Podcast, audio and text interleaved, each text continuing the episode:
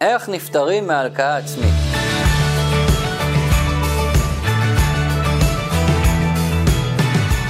הרבה אנשים בדור שלנו סובלים מהלקאה עצמית. הם כל הזמן מרגישים שהם לא בסדר, לא מספיק טובים, לא עומדים בציפיות של עצמם, בציפיות של ההורים, של החברה.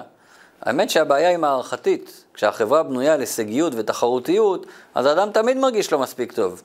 אבל מכיוון שיהיה לנו קשה לשנות את כל המערכת, אנשים שואלים איך בינתיים יכולים להתגבר על הביקורת העצמית שמנקרת להם במוח. אז בעל התניא נותן לכך עצה מדהימה.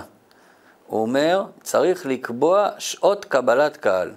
לקבוע זמן ביום שבו אנחנו מתייחסים למחשבות מהסוג הזה, ובכל שאר היום לא מתייחסים אליהם בכלל. מה הרעיון מאחורי זה? רוב המחשבות של ביקורת עצמית באות בתחפושת. הן מעמידות פנים שהן באו לטובתנו, הן מעמידות פנים שהן באו כדי לעזור לנו להשתפר. איך נשתפר אם לא נרד על עצמנו? אבל בפועל, מטרת המחשבות האלה היא להפיל אותנו. הנפש הבעמית יודעת שיהיה לה הרבה יותר קל להתגבר עלינו כשאנחנו במצב רוח ירוד. ולכן היא מביאה לנו את המחשבות האלה. בזה שאנחנו קובעים שעה לקבלת קהל, קובעים שעה שבה נגיד למחשבות שהן יכולות לבוא ונטפל בהן, זה דרך מצוינת לבדוק מאיפה המחשבות האלה מגיעות. האם הם באו לעזור לנו או להפיל אותנו. נסו את זה בעצמכם. פעם הבאה שמחשבות האלה יגיעו, תגידו להם שיחזרו בשעה עשר בלילה ונראה מה יקרה.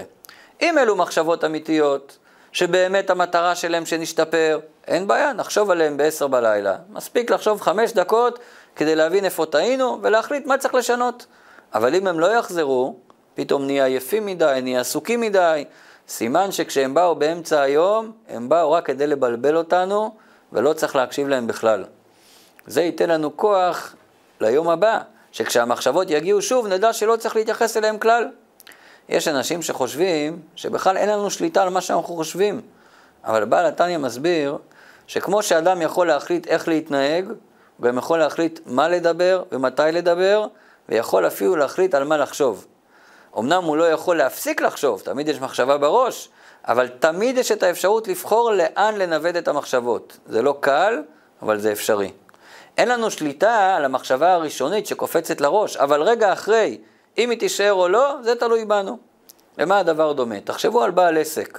בן אדם מנהל חנות של מוצרי חשמל. הוא לא יכול לעצור כל רגע ולחשוב האם הוא מוכר מספיק טוב, האם יש להחליף את המוצרים או את העובדים. על זה אפשר לחשוב, פעם ביום בערב כשסוגרים קופה, אולי פעם בשבוע, לפעמים אולי אפילו פעם בשנה. ככה גם בעבודה הרוחנית שלנו. באמצע היום אנחנו עסוקים, יש המון מה להספיק, עוד לימוד, עוד מצווה, עוד גמילות חסדים, עוד עזרה לזולת. כל מחשבה אחרת רק מוציאה אותנו מהפוקוס. ולכן מספיק לעשות חשבון נפש פעם ביום, אפילו פעם בשבוע, לפעמים אפילו פעם בשנה. את כל שאר הזמן צריך לנצל כל רגע לעשייה חיובית.